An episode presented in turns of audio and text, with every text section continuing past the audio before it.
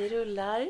Vi rullar. Välkomna till The Jolaway Podcast. Avsnitt 18. Ja, det är 18. Det är helt sjukt. Och det är så mycket november idag. Alltså idag är det november, så mycket november det kan bli. Ja, det stormar, det regnar, Det löven bara yr. Ja, och Ja. det har ju precis varit halloween. Exakt. Ehm, så äh, verkligen ett riktigt novemberväder. Men mysigt. Vi konstaterade precis att behöver man inte gå ut i skiten så är det ju fantastiskt. Ja, men det är mysigt att sitta inne Men med typ tända rätt mysigt att gå ljus. ut också tänker jag. Jag ska gå ut och Lite gå sen. mysigt. Ja, men det bara var det för att få komma in. Ja, men det var rätt okej. Jag har varit ute lite, men ja, det är inte det underbaraste vädret att gå runt i. Resten av veckan ska ju bli underbar. Så Ska att, det? Ja, det ska bli jättevarmt och soligt. Åh gud vad underbart. ja. Ja. men då så. Så eh, vi kommer få mycket tid att njuta av sol tror jag i veckan. Vilket ju är väldigt skönt nu. Bra för att fylla på lite D-vitamin och sådär. Ja, om det ens är så att jag tror att vi är inne i så pass sent på året att vi inte tar upp det för att solen ligger för lågt. Ah, okej.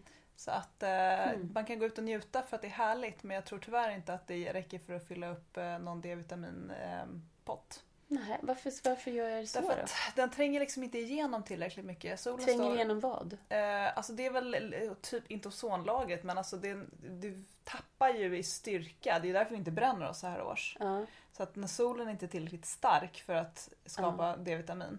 Utan det är därför som alla rekommenderar mer eller mindre att mellan, vad är det, november, oktober, november till typ april, så Mm. mars-april, så behöver man käka tillskott. Mm. Eh, och under den andra perioden så räcker det med då att exponera huden i om, eh, Mm. 25 minuter eller någonting sånt. Men så här, så här år så är det härligt och, men, men en tumregel kan väl vara att så här, får du ingen färg Mhm. Alltså, är solen inte tillräckligt för att ge någon färg så är det heller inte någon jättevits med alltså, Nej, jag hade ingen aning om. Jag har ju jobbat jättemycket med att gå ut mycket på Men däremot hela det- vinterhalvåret. men för man sen, får det i sen är det bra, och ja, men sen är det bra för, för andra. Alltså, du Ja. får ju fortfarande att du stöttar din cirkadiska rytm om du får solljus mitt på dagen. Och det är ju jättebra att få i dagsljuset. Ja. Men det har ju inte så mycket med din D-vitaminproduktion att göra om jag har förstått saken rätt. Vilket jag Okej. tror att jag har. Intressant. Eh, men sen ska man ju ha klart för sig att vi har ju haft en jättefin sommar så att vi har ju förmodligen ett bra batteri av D-vitamin. Och de flesta brukar ju uppleva brist snarare runt vårkanten. Ja, för då är precis. vårt D-vitaminlager liksom uttömt. Mm. Så än så länge är det nog ingen fara. Nej, det tror jag verkligen inte. Definitivt Det är inte för oss som har solat våra små nosar i lagom dos. Nej men om man har varit ute och vet med sig att man har fått lite sol under sommar så brukar det inte vara någon fara än. Men jag kan ju känna att det är dags att liksom börja stoppa i sig D-vitamin ändå. Mm. Men det finns så många olika skolor kring det. Vi ska ju komma in lite på det här idag när vi ska prata hormoner. Mm. Men eh, bland annat en av mina, som jag brukar lyssna på, Jenny Kos, eh, som har bloggen Wolverine, eh, som pratar mycket om kvinnohälsa, hormonhälsa och sånt. Hon förespråkar ju att man inte ska äta D-vitamin sådär dagsregelbundet utan att man ska ta jättestora doser Mm. nu och då. Men Oops, det där kan det här är inte jag- inga rekommendationer. Nej, det här är, det här är när vi gör någonting som hon har sagt vid Mm. någon föreläsning jag var på och hon skriver om. Men det är ingenting som jag och väldigt många ser ut som frågetecken när man säger det som också håller på med det. Så att Mm. det är, finns ju väl kanske inte någon sanning gissar Nej, jag. Man får läsa eh, på. man får läsa på och eh, göra som man själv tycker. Ja. Men någon form av D-vitamintillskott bör man kanske tänka på under vinterhalvåret. Det kan vi nog säga. Mm. Tror jag. Ja. Men idag ska vi inte prata om det. Nej, vi ska inte alls prata om det. Vi ska ju Snälla, prata lite intressant. grann. Jag ska ju faktiskt intervjua dig lite idag, vi tänkt. I know! Eh, för du har ju varit med om en resa. Ja, jag, vet, jag skulle vilja påstå att jag fortfarande är mitt uppe Ja, du på är denna faktiskt resa. i den. Ja, det är du. Eh, och det är då en hormonresa som vi pratar om. Ja, Ehm, som jag tror ganska många kan känna igen sig i. ja, Och det är anledningen till att du får intervjua mig för att inte Mm. mer än att det är alltid kul att prata. Men, Ja. Nej men det är, det är ju intressant för vi kommer ju också, vi har intervjuat Mia Lundin på Hercare. Vi har också intervjuat eh, Eva-Lotta Ryd som också pratar hormoner. Så vi har, ja Mm. precis, så vi har en hel del hormonavsnitt coming up. Exakt. Och eh, Lollo, eftersom du då har haft väldigt mycket problem med dina hormoner och fortfarande Mm. har egentligen. Så tänker vi att, ja, men varför inte bara börja med din historia? När vi ska in på det här väldigt, väldigt, på ett sätt ganska nya ämnet skulle jag säga för oss i Sverige. för oss kvinnor att vi pratar om våra, våra egna hormoner Jag tror så här, det är... på ett sånt här ingående sätt. Vilket jag tycker, jag älskar att vi gör det för att jag menar kvinnohälsa är ju så otroligt viktigt men så himla eftersatt i Sverige. Eftersatt. Det, jag tycker jag har hört så himla många kompisar som har upplevt problem. Man kanske har haft väldigt ont, väldigt mycket PMS, väldigt mycket blödningar och, sådär. Och Och där det- sätter ja. du liksom huvudet på spiken. Att Ja. så många har problem med Ja. stort P men upplever det som normalt. Därför att det är vad vi har blivit Alla har det. Ja, men typ, tillsagda att det är normalt. ja, och, eller- och, och så här, vi vet inte varför det är så här. Nej. Eh, och det enda du kan göra det är att äta p-piller. Det är men- typ det, det enda liksom man får. Och det hjälper ju inte heller Nej. för de flesta med Men det de jag menar är problemen. att vi har inte pratat så mycket om det därför att det har, vi har, blivit, vi har blivit, fått informationen från barnsben i stort Mm. sett sedan liksom, tonår att nej men det här är en del av paketet. Mm. Så här har man det, det är normalt. Och igen då kommer man in i den här vanliga frågan, vad är normalt lika med friskt? Mm. Eh, sannolikt inte liksom. Eh, så att jag tror att och det är därför nu som det är så spännande att det har blivit så inom citationstecken inne Mm. eh, att prata om hormoner. Eh, jag tycker man märker det överallt i varenda Ja. podd, varenda bok. Mm. Som har, alla som är intresserade av hälsa på något sätt Mm. har ju börjat prata väldigt mycket om alltså framförallt då kvinnohormoner Ja. och könshormoner och Men just för också, att det påverkar ja. vårt mående så jäkla mycket. Ja, och vi är ju där, det pratar vi ganska mycket med Mia om det här att vi är ju väldigt olika, vi Mm. kvinnor och män vad gäller hormonuppsättningarna och hur våra måendecykler ser ut. Medan männen har, de har testosteron basically. Mm. Där deras mående De har ju är... östrogen också Jo, men, men, liksom mycket mindre vad mängd. som styr Ja. också själva, själva deras cykler, deras mående. De har ett mycket mer stabilt mående. De har ju typ ingen cykel. Nej, nej, men de har ju den vanliga dagsrytmen, den här Ja. cirkadiska rytmen, Ja. den dygnsrytmen liksom. Som alla biologiska varelser har. Eh, precis, och den har ju de. Men det som, som Mia också sa när vi intervjuade henne, det är att vi kvinnor kommer inte må på samma sätt under en hel cykel. Alltså vår menscykel pratar vi om då. Att vi mår lite olika beroende på var vi befinner oss i den här cykeln. Och vi, vi vill ju, det, jag tycker det är så himla konstigt att vi inte har pratat mer om det här. Och när vi var små, det var väl ingen som pratade om det förutom att, ah, men PMS innan du blir så sur innan mensen typ. Ja. Det är det enda. Men, inte, men det finns ju också andra delar i cykeln där du också kan känna dig lite upp och ner. Och hon bara, det, Mia menar, det är ju normalt att må lite olika. För så ser det ut för oss kvinnor. Men däremot så är det inte normalt att ha jättemycket PMS. Och vi ska inte behöva gå runt med så extrema smärtor och väldiga blödningar och sådär. Det är inte Eller liksom normalt. För att det, igen, det är skillnad på att må lite olika och känna sig lite Mm. högre och lägre energi. Och att må dåligt. Mm. Det är ju två väldigt olika saker. Ja men att må, vissa mår ju verkligen super, super dåligt. Jag vill tipsa här om en, em, två tjejer som heter Women Sync. De kommer ju släppa en bok alldeles snart. Och jag vet inte, de kanske har släppt den. Mm. Eh, men då länkar vi i sådana fall till den. Vi kan länka till dem också för de ska, kommer med en ska bok. vi försöka intervjua dem Ja, också? vi ska absolut Ja. försöka intervjua dem. Men de också, den boken de har skrivit handlar just om hur vi kvinnor då kan leva mycket mer efter vår cykel. Ehm, som är, det är ju också superspännande ämne att just eftersom vi har så olika faser i vår cykel att vi då ska anpassa vårt liv lite grann mer efter de cyklerna. Och också vad vi äter, hur vi tränar, hur mycket vi behöver sova och vila och återhämta oss. Så det finns väldigt mycket kul. Så den boken ser jag otroligt mycket fram emot att läsa. Och där kan vi tipsa om Alisa Vitti också som har skrivit om det. Så vi länkar till henne också. Precis. Just det här med att anpassa till sin rytm.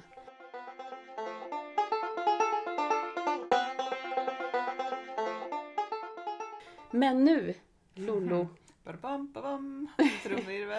Ja, och jag tänker att vi får väl gå tillbaka ganska långt i tiden. Ja, och jag vet nästan inte vart jag ska börja någonstans. Ehm, och jag tror, visst jag nämnde ju det här tror jag i vårt första avsnitt lite grann här för Jag mig. tror att vi har berört det här vi förut. har, vi har liksom tangerat det ganska Ja. många gånger.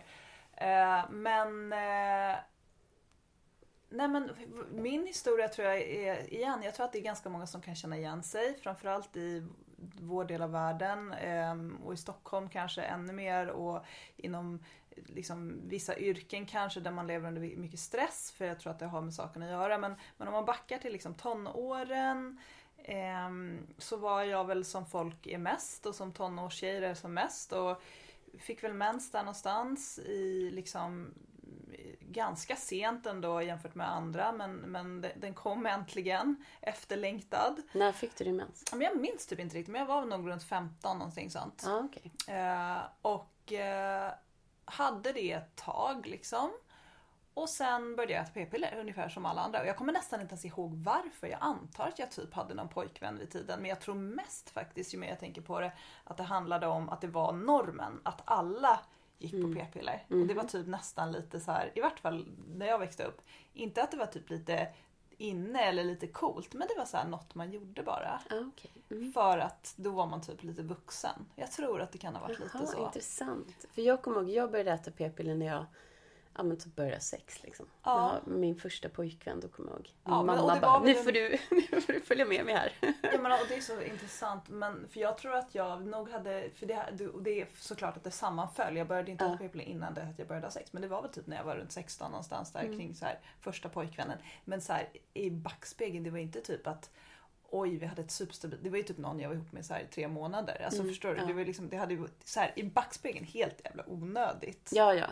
Men det är också en väldigt intressant fråga det här med att lite som att man då skulle bli gravid bara för att man, en kille man tittar på en. Ja, ja, ja. Det är ju också en sån sak som inte man visste, men som jag i alla fall när jag var liten, jag hoppas att det, man vet mer nu som unga, som ungdomar och sådär. att Det är ju inte så att du blir gravid under hela din cykel, Nej. utan Och det, är ju vid det ägglossningen. Jag lyssnade på en liksom. podd nu på morgonen när jag låg här och gjorde mina rehabövningar. Eh, en amerikansk podd som var dagsfärsk. Där eh, någon intervjuade en, en eh, hon var väl typ funktionsmedicinare eller någonting i den stilen som jobbade med fertilitetsförståelse med unga kvinnor. Och hon sa att numera så är det ännu vanligare än vad det var kanske på typ 50-talet att unga tjejer tror att de blir gravida bara när de tittar på en nästan. Men är det sant? Det är någon sorts här... Var det här i USA då? Ja, det här är Ja. USA. För det tänker Jag jag att det är ännu lite- mer ja. så. Men, Men det är så intressant att har vi inte kommit längre och, liksom, och förstår inte. För den här utbildningen får man ju inte.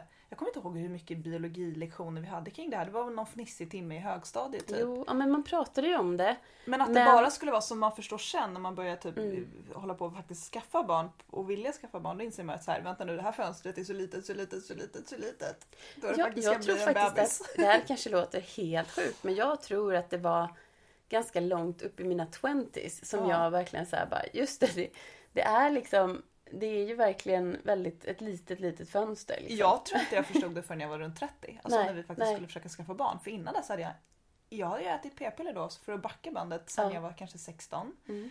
Eh, och tills, i mer eller mindre obrutet tills dess att jag var ja, men ungefär 30. Mm.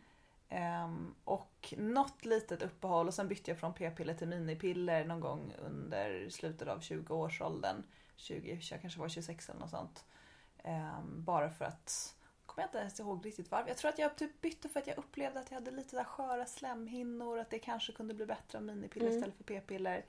Ehm, och så hade jag ett break när jag var typ 18 och inte hade pojkvän och reste utomlands och var borta ett år. Och då var jag så här, men då ska jag ändå eh, kanske skydda mig lite bättre än bara p-piller ändå. Mm. Så då tog jag bort det och eh, då fick jag ju aldrig tillbaka någon mens Då fick heller. du inte heller Nej, din mens. Och det var väl första tecknet för då var jag utan p-piller i kanske nio månader eller något sånt. Vilka, vilka p-piller hade du ätit då? Vanliga p-piller Ja, eller inte vanliga. minipiller? Nej, då hade jag Nej, ätit vanliga då var det p-piller. vanliga p-piller. Mm. Och då började jag äta och sen fick jag aldrig tillbaka någon mens och Nej. då sa man, och det var ingenting jag gick till sjukvården med utan då pratade jag med min, för då var jag utbytesstudent och då pratade jag med min värdmamma då som var, hon är sjuksköterska också. Hon var så här, det är helt normalt för att man är under så mycket stress när man är på ett sånt här utbytesår. Så att det är väldigt vanligt att man får hormonella liksom, svängningar då som gör att det här kan hända. Så att, eh, men, hon, men jag vet att hon sa någonting i stil med att om du fortfarande känner av någon typ av cykel i kroppen. Mm. Alltså inte en, nödvändigtvis då en menscykel men att du ändå känner av dina arm, andra hormonella svängningar. Typ att du märker av att du får sämre hy till exempel en viss del av månaden och sånt. Mm. Och det upplevde jag ändå att jag gjorde. Mhm.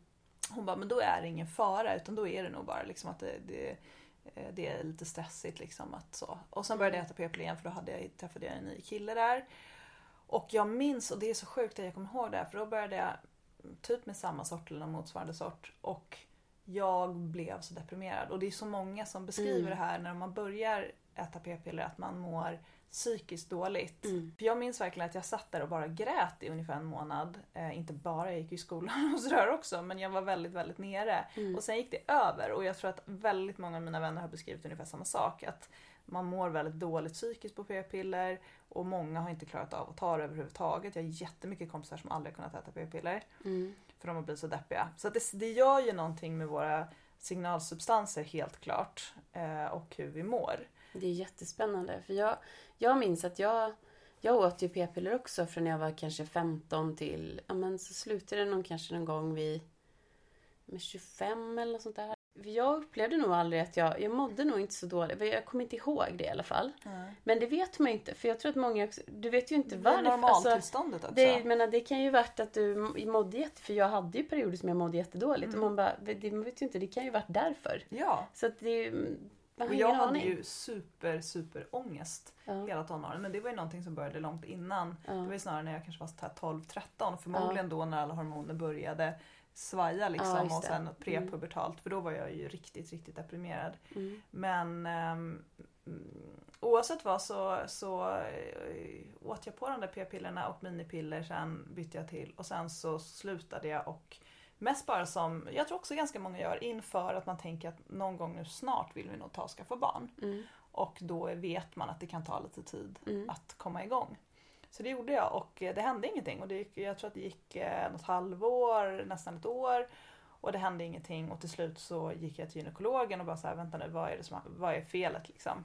Eh, och då visade det sig att jag hade absolut inga helt nedtryckta nivåer av alla de hormoner som man behöver för att ha någon fertilitet. Mm. Eh, och då började vi hålla på och nysta i det här förstås och man bland annat röntgade hjärnan. Eh, alltså för att se om jag hade någon tumör eller någonting. Att det, Mm. var ju något med liksom hypofysen då kanske trodde man. Mhm. Men det var ingenting där och eh, sen och då fick jag väl någon sorts liksom, ja men det är nog stressrelaterat Mm. för dig. Eh, och det kunde det säkert mycket väl vara för det var också under, under en period när jag, ja, jag hade haft säkert tio år med väldigt hög stress, alltså ganska hög arbetsbelastning. ehm, tränat sjukt mycket Mm. och väldigt, väldigt hårt. Och ätit liksom skit. Och det här har vi pratat om Mm. bland annat i första avsnittet av podden. Hur både du och jag hade problem med, med ätande och var inte så himla duktiga på att ta hand om oss själva i yngre år. Nej men precis, för det är ju också många som förlorar sin mens och hela den när man Absolut. tränar för hårt och äter för lite till exempel. Men det som de sa redan då också var ju så här att ja, det här kan vara, det, förmodligen är det en stress att, att, att inte så mycket kanske att jag att det berodde på träningen och maten men mer att det var hela paketet. Att, Mm. att jag hade väldigt mycket stress. Eh, som gjorde att det här, ja men det var ingen, kroppen ville inte bli gravid.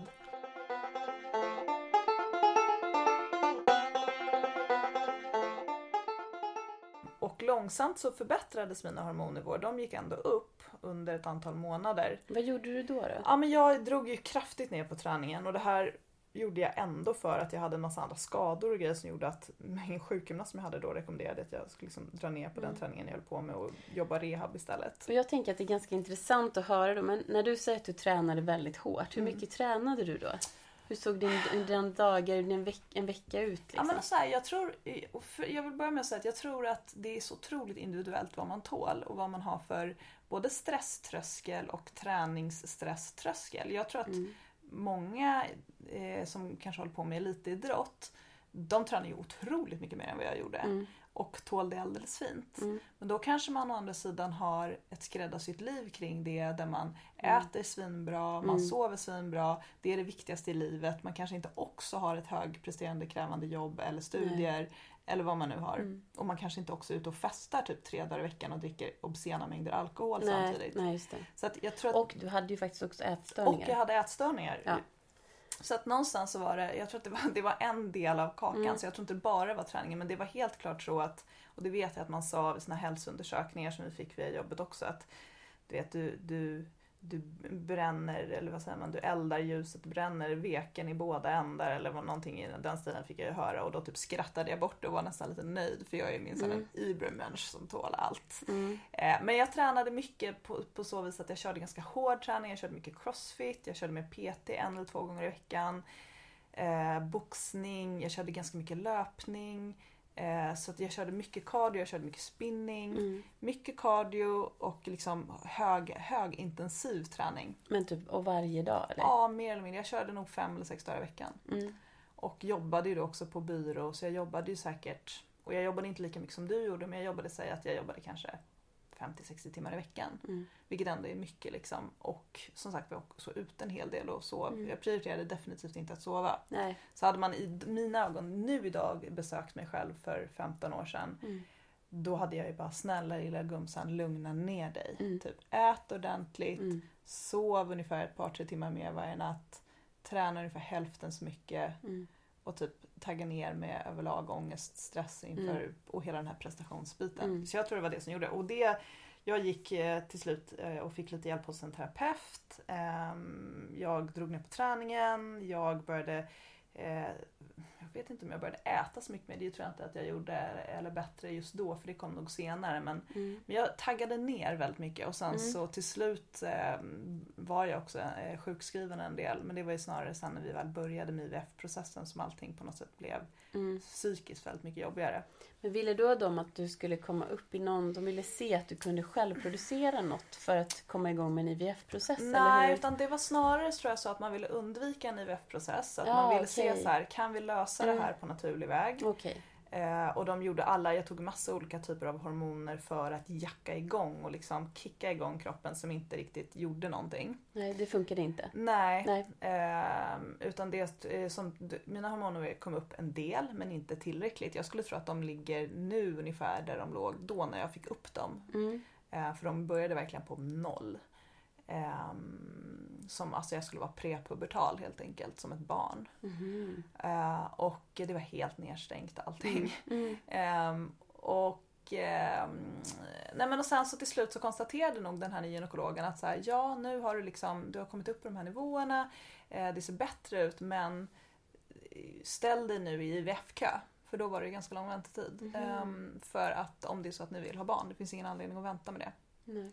Och så gjorde vi det och sen fick vi tid ganska snart och då gick det ju väldigt snabbt. Mm. Men det var ju en vidrig process. Mm. Och det tror jag alla som har gått igenom IVF vet att det är jobbigt för att man vet inte om det här kommer att funka. Det är besvikelser, det är, ehm, det är liksom att föra krig mot sin kropp egentligen. Det är väldigt starka, det blir väldigt hormonpåverkad Det är en sjuk och är man då, går man från, eh, som jag, jag tror att min egen analys varför jag mådde så dåligt psykiskt av de här hormonerna var nog för att jag också hade haft så låga hormonnivåer under så många år så det måste ha blivit en enorm chock för min kropp Mm. att få de här, ehm, jag, menar, jag tog ju ett par sprutor om dagen. Eh, och inte konstigt att man reagerar på det. Så att den här känslan av att bli lite deprimerad när man äter p-piller, börjar med p-piller, kan man ju gånga det med typ 100. Mm. Och sen lägga till oron, ångesten. Kommer det här ens att funka? Kommer det bli några barn? Kommer vi aldrig få barn? Vad gör vi då? Mm. Eh, besvikelsen när det liksom inte blir någonting Mm. etc. Men det jag kommer ihåg var att den här jätteduktiga gynekologen som jag gick till innan, hon sa till mig, och det hade jag lite grann förträngt tills nyligen, att om du nu får barn via IVF, för då slussas man ju vidare till nästa system och hon sa hej då, ha det så bra ungefär. Eh, hon bara, men om du väl får barn då måste du sen hålla koll på dina hormonnivåer för om du fortsätter ligga så här lågt Mm. så måste du ta hormonbehandling sen resten av livet. Mhm. För att det är ju väldigt ohälsosamt att ligga så lågt av andra skäl också oavsett eh, om man vill ha barn eller inte. Eh, och det hade jag lite grann glömt bort tills typ nu. Mhm. Ehm, Det var ju fint att hon sa det. Mm. Ja, verkligen. Men det är ju för att man är i sjukvården. Nu ska vi komma in på Mm. lite grann hur det funkar i svensk sjukvård. Men de vill ju inte att man ska drabbas av allvarlig inom citationstecken sjukdom som någon form av hjärt-kärlsjukdom eller du vet, belasta samhälls eh, Mm. sjukvårdsbudgeten med den typen av sjukdom. Mm. Eh, och det är det som kan bli resultatet om du ligger jättelågt i östrogen till exempel. Mm. Okej. Det är det man är orolig för. Det är därför jag ens överhuvudtaget får ta upp tid tror jag, i sjukvården nu. Ja, För man är lite rädd för min kärlhälsa. just det. Det är det. Ja.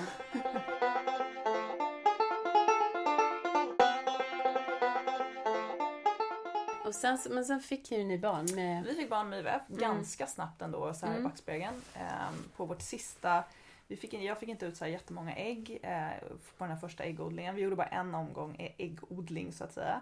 Och sen så la man då ett antal embryon i frysen. Och där, sen ska de ju då klara en upptining och en isättning och det ska fästa. Så det är ganska många grejer som ska klaffa. Och jag vet att det, det embryot som blev till slut Douglas, vår son, det låg i frysen några månader för man måste göra lite uppehåll emellan. Eh, och sen så, och vid det laget hade jag, jag ska inte säga att jag hade gett upp hoppet, men då hade jag varit sjukskriven i 4-5 månader. Mm. Eh, och jag började ändå så komma lite på bättringsvägen och vi började prata om att jag skulle gå tillbaka på typ halvtid och sen trappa upp på jobbet och komma tillbaka. Och jag vet att jag var tillbaka på gymmet efter att inte ha tränat på flera månader. För det vågade jag liksom inte göra under den här IVF-processen för att jag ville inte störa den och jag mådde så dåligt så att jag orkade heller inte. Men då hade jag börjat gå tillbaka och jag hade börjat med lite yoga och lite pilates, alltså väldigt mycket så lugnare träning. Eh, och jag hade börjat med mina gröna smoothies, vet jag. Så att jag hade börjat liksom vrida på den här hälsospaken lite grann. Och jag var inte lika fokuserad så jag vet att jag skulle gå och göra den där eh, isättningen av det här embryot som då hade tinat, som hade klarat upptiningen och de sa det här ser ut som ett jättefint embryo. Och jag var lite såhär, hur fan ser man det? Men de bara, det ser så fint ut det här embryot. Jag bara okej. Okay. Eh, och sen så, och Olof, min man, var utomlands med jobbet på någon så här, typ skidresa vet jag. Och vi var båda så här, äsch fast det här kommer förmodligen ändå inte bli något utan jag går bara dit och sätter in det och sen så lever jag på som vanligt. Och jag var lite så här, vi kanske struntar i det här med barn ett tag och vi får se vad som händer. Och, ja men du vet, jag bara hade bestämt mig för att strunta i det. Och så att jag gick dit och satte in det, sen gick jag och mötte upp min kompis och, satt och gick och drack vin och var lite så här skojade om att haha, tekniskt sett är jag ju gravid nu för de har ju satt in ett befruktat embryo och får se om det fäster men det kommer säkert inte bli något. Och sen så, ja, men så gick det ju då några veckor och till slut innan du kan faktiskt göra ett, ett gravtest och se om det har fastnat. Och då hade det ju gjort det, helt sjukt nog. Och jag trodde ju inte på det nästan. Men det höll i sig och jag gick ju igenom min graviditet när jag var otroligt rädd för att få missfall förstås. För att jag var så jag trodde ju mer eller mindre att det, liksom, bebisen eller barnet, fostret skulle kunna trilla ut om jag typ hoppade. Mm. För att jag var så nojig för det. Men det är ju inte så konstigt. Det fattar man ju och det tror jag alla som har gått igenom en IVF-process jag tror det extra. Liksom. Och blir... även folk som är gravida, eller ja. blir gravida efter att ha kämpat för det. Men, nej, så vi fick barn och allt gick jättebra och, och sådär. Och sen så um, var det inte så mycket mer med det. Eh, och Douglas var väl ett drygt år när vi åkte iväg. Han var 14 månader när vi åkte iväg på en resa, en långresa på föräldraledighet. Vi var sju veckor i, i Nya Zeeland. Um, och jag började så må illa. Jättekonstigt eh, typ lite åksjuk i bilen. Och så här. Jag bara, vad är det här? Och vi åkte ju, hela vår grej med den här resan var att gå på vin, vinluncher och åka till vingårdar och jag var inte alls sugen på att prova något vin och förstod inte någonting. Så jag, bara, jag måste bara göra ett gravtest men det här är så konstigt för jag hade ju inte fått tillbaka någon mens. Jag kunde inte vara gravid. Jag var ju infertil liksom. Eh, men jag var ju gravid då.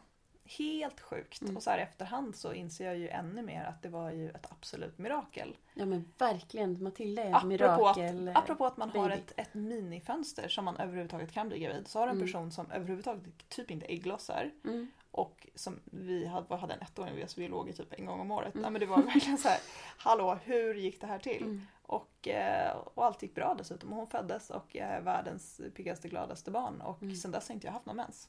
Nej. Så att eh, hon var ju en mirakelbebis. Verkligen en mirakelbebis. Mm. Här måste vi ta en paus känner jag. Ja. Det är otroligt. Det är hon, faktiskt otroligt. Ja, fantastiskt. Um, oh, wow, tänk att det kan bli så. Det är mm. så himla underbart på något sätt. Mm. För då fick, då, men undrar vad det var då som gjorde att, för då måste ju du, det kanske var, din kropp var ju då extremt ostressad antagligen. Förmodligen så var det ju en kombination av att vara jätteostressad eh, mm. och kan jag tänka mig att Alltså de här IVF-hormonerna som jag hade fått innan Douglas, mm. det är ju en Alltså du får ju så mycket hormoner så att det är som ett skämt. Ah, okay. eh, så att om det är något kan jag tänka mig som kan kickstarta ett system så är det det. Mm. Och sen hade jag ammat ganska länge och du, vet, du har så mycket hormoner Men graviditet i, i sig också. Alltså mm, du exakt. var gravid och du ammade. Och det är, det är ju rätt många som upplever just mm. det där att man får kanske ett barn med IVF och sen får man ett barn naturligt efter det fast man egentligen inte skulle kunna få ett barn. Mm. Så det, det var ju otroligt tur att det blev någonting, mm. att vi fick feeling den där, just det där fönstret. För att eh, jag vet inte hur mycket det, om det hade pågått eller fortsatt sen. Men det har ju sen inte, eh, trots att jag då sen var gravid och hade samma resa igen, mm. så har jag då inte eh, fått igång någon, någon cykel sen dess. Så nu är Matilda tre. Ja men precis. Så att eh, nu är vi idag av att jag håller på och roddar i det här igen. Ja. Eh, och har varit nu hos tre olika gynekologer senaste halvåret. För att få någon form av hjälp. Ja. Ehm, Vi, vi kan ju backa till, när vi träffades då eh, förra sommaren så vet, då började vi ju prata lite om de här Mm. frågorna. Och, eh, men för då hade ju du, då hade du en hormonspiral, eller hur? mm, precis. Eh, och då pratade vi lite om det och jag som är väldigt alternativ. jag bara, nej men du ska inte ha några hormoner, inga tillsatta hormoner och nej nej nej. Och du var ju lite först lite så här, ja fast liksom. Ja. Ja, men sen så, sen så tog ju du ut den. Mm. För typ nästan ett år sedan. Ja, precis. Ehm, Så att egentligen kan man säga att jag vet inte vad som hade hänt om jag inte hade satt in den här hormonspiralen. Just Och skälet till att jag gjorde det var ju att vi vid det laget ville verkligen inte ha ett tredje barn, i varje fall inte precis just då. Mm. Ehm, Och jag visste ju att det kunde ske utan att jag hade någon som helst aning om det. Ja, precis. Ja. Vilket man inte tror annars. Väldigt o, Man tror att man ska få en. Man tror att man ska få en heads up, liksom att nu är det dags att börja vara lite försiktiga igen. Typ. Ja. Man tror att man ska få sin mens Mm. och sen så bara, okej men då vet jag. För under amning så får du ju inte mens. Om du Nej. ammar mycket så får du ju, har du ju ingen mens. Precis. Och den, för det kommer jag ihåg när jag var gravid, alltså med båda mina barn, att, efter, att den kom ju igång sen när man började liksom glesa ut med, är ju mellan amningsgångarna. medans när du ammar så utsöndrar du ganska mycket prolaktin tror jag det är. Mm. Ehm, och det är ju ett, eh, en ägglossningshämmare och det är väldigt naturligt. Det är ju Mm. kroppens sätt att så här, du ska ju kanske inte helamma och sen bli gravid igen. Nej. För det hade ju varit lite opraktiskt med all, jättemånga små Men det barn där är, samtidigt. ja, och det är så fascinerande hur kroppen funkar så. Ja, det är skitcoolt. Alltså det är helt underbart. Man blir helt, vad gud vilket otroligt liksom livsverk vi Ja. har inom oss. Ja, alltså, ja. Men att det, ja, det är ett fantastiskt maskineri men det är Ja. så sjukt komplext och det inser man ju också Ja. nu när man börjar hålla på och fippla med det. Ja, Liksom. när du har grottat i det mycket. För sen har ju du då egentligen sen du tog ut den där...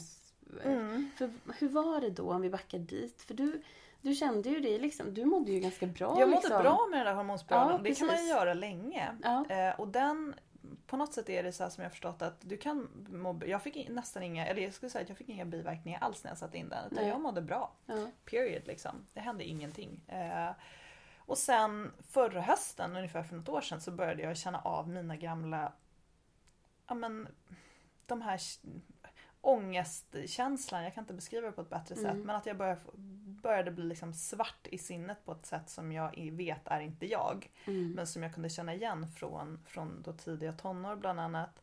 Eh, och det är väl helt enkelt att signalsubstanserna liksom är i osynk och, och det svajade för mycket.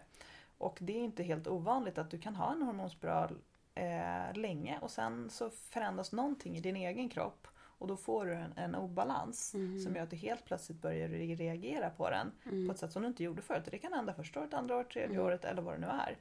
Men det gjorde att jag till slut valde att ta bort, ta ut den. Och det var ju mycket, och så här, hade inte du och jag hängt så mycket hade jag kanske inte tagit ut den. Nej, Utan då hade det är jag mitt kanske... fel Det är du- ditt fel! Eh, nej, men, för det, och, men också för att jag fick ett större och större intresse för det här med hormoner och Just vår det, cykel. Och för att, inte så mycket, vad ska man säga, för att jag är så orolig för mina hormoner som för att de är, de är ju ett väldigt tydligt symptom eller tecken eller barometer på hur man mår i övrigt. Ja, och jag tänker nästan att nu är det svårt att hålla på med hälsa och välmående utan att, utan att, liksom, Ja. ha, liksom, utan att ta med hormondelen. För att den är så, det är samma lite grann inom yogan. Alltså jag gör ju mycket kundaliniyoga och där finns det ju liksom specifika pass som handlar om just din balansera hormoner Ja. och hur... Det handlar väldigt mycket om det, hela den yogaformen. Och, eh, det, prat, ja, det har liksom börjat pratas otroligt mycket om det i alla möjliga sammanhang. Och jag är glad att det gör det, för det har kommit in som en viktig faktor i vad som är hälsa och välmående. Ja, för sen tror jag också att det handlar om att för mig var det en nyfikenhet också Mm. och en, en känsla av att fasen, det här med att vi ska vara och prestera samma sak likadant på samma höga nivå varje dag Mm. är liksom inte naturligt. Det är någonting som är väldigt praktiskt i vårt moderna samhälle att vi på något sätt ska pressa våra kroppar till att, att, att kunna göra så och bete sig på samma sätt varje dag, vara lika stark varje dag. Men jag attraherades lite av det här men naturliga tänket i att vänta nu, har vi en cykel som vi kan följa där vi tillåter oss själva att backa lite grann ibland några dagar Mm. och, och, och liksom dra oss undan lite grann. Och, för det känner man ju själv, vissa dagar vill man ju typ inte gå upp, man vill bara ligga kvar i sängen. Tänk om vi hade ett samhälle som kunde vara lite mer förlåtande. Mm. Där så här, ja du kanske inte kan ligga kvar i sängen men du kanske kan jobba hemifrån. Jag menar, det ty- tror jag hela den här coronadealen har verkligen öppnat upp för att vi kommer ha ett mer flexibelt arbetsklimat. Mm. Eh, för de flesta, i varje fall de som har den typen av yrken. Och, och där man kanske kan vara mer i synk med sin kropp. Och på något sätt tror jag att det är en, ett välgörande på lång sikt. Mm. Att istället för att pressa sig själv in i, in i liksom den här rutan, att man kan få vara lite mer som kroppen vill vara precis just då. Mm. Ehm, och att lyssna på kroppen. Och tar du, eller har du ett, eh, en hormonspiral eller minipiller eller p-piller, då kan du inte riktigt lyssna på kroppen för att då, då tillför du hela tiden någonting som, som stör. Det är inte dina egna hormoner som jobbar på där inne utan det är ju tillsatta Ja. hormoner. Och on that note så är det ju det som jag har börjat med nu igen. För att den här Mhm. tredje gynekologen har ju igen satt mig på en hormonbehandling nu för Mm. Vi måste backa. mm. För vi måste backa då till vad som hände. Ja, efter- men den första, precis. Nej, men jag tog ut den här hormonspiralen, ingenting Ja. hände och... Eh, Du fick eh, ingen ägglossning? Nej. Nej. Eh, och det som istället hände var nog att jag i samma veva tyckte jag började må sämre. Ja, just det. Ehm, och jag hade lite så halvjobbigt förra vintern, hösten. Ehm, och jag ja, men mådde ganska, Mm. var, hade ganska mycket humörsvängningar, var liksom lite instabil. Och sen började jag tappa väldigt mycket hår. Eh, strax före det att jag tog ut den här spiralen. Och det och igen, så här, vad är hönan och vad är ägget? Jag vet inte. Det var ju också en, en, jag tyckte ju att förra hösten var fantastisk och vi gjorde massa roliga saker och jag gjorde massa roliga saker. Men så här, i efterhand så var det nog ganska stökigt ändå. Det var ju en Ehm, stor omställning för dig. stor Från att ha omställning. gått också till en trygg anställning som du alltid har haft, Mm. väldigt hög lön. Till att helt plötsligt bara hoppa, kasta dig rakt ut i någonting helt nytt. Mm. Det, är själv, det, som, det är ju en väldigt, väldigt stor Ja. grej. Inte veta någonting vad som ska hända. Och sen tror jag också som vi, både du och jag var ju rätt strikta förra hösten, definitivt jag med så periodisk fasta. Ja. Och jag typ, I vanlig ordning så var ju du mer jag var förmodligen mer Jag strikt. bara, nej men idag Men jag körde inte. det säkert i, ja men nästan, jag skulle säga att ett halvår i varje fall av att Mm. Men vi gjorde ju inte... också ofta tillsammans ju. Ja, Mm. men jag åt ju aldrig före typ, eller oftast inte före 11-12 på dagen. Nej. Och gick ner, jag var, vägde nog ett par kilo mindre än vad jag gör nu. Jag var rätt liksom tunn. Eh, och jag, ehm, eh, ja, men jag, jag pressade nog mig själv ganska hårt då med på något sätt fast Mm. jag inte riktigt förstod det och jag mådde väldigt bra i det tyckte jag. Mm. Men eh, jag tror att det har, och sen så åt jag ju väldigt lite animalier. Eh, vilket funkar skitbra för dig men jag tror inte att det funkar Mm. så bra för mig. Och jag tror att det snarare kanske var det som gjorde att jag började tappa hår och, och kanske må dåligt. Och det påverkar ju signalsubstanserna jättemycket också. Mm. För att jag, du kan inte bygga, bygga det som behövs om du inte äter tillräckligt mycket fett till exempel. Eh, och, och vissa påstår då att det animaliska fettet skulle vara bättre för det och att du behöver animaliska proteinet etc. Men det är en annan fråga. Men jag tror att det var, det var många olika saker samtidigt och det är ju det som är liksom problemet och det, det fina i kråksången på samma sätt att det är ju sällan en sak utan Mm. det är allting samverkar. Och nu har jag känt det som att jag åtgärdat ganska många av de sakerna. Eller jag har skruvat på mycket. Jag har liksom gått tillbaka i det här med fastan. Att jag har börjat äta frukost igen och trivs med det. Eh, även om jag ser till att försöka få in 12 timmar för att liksom låta systemet vila.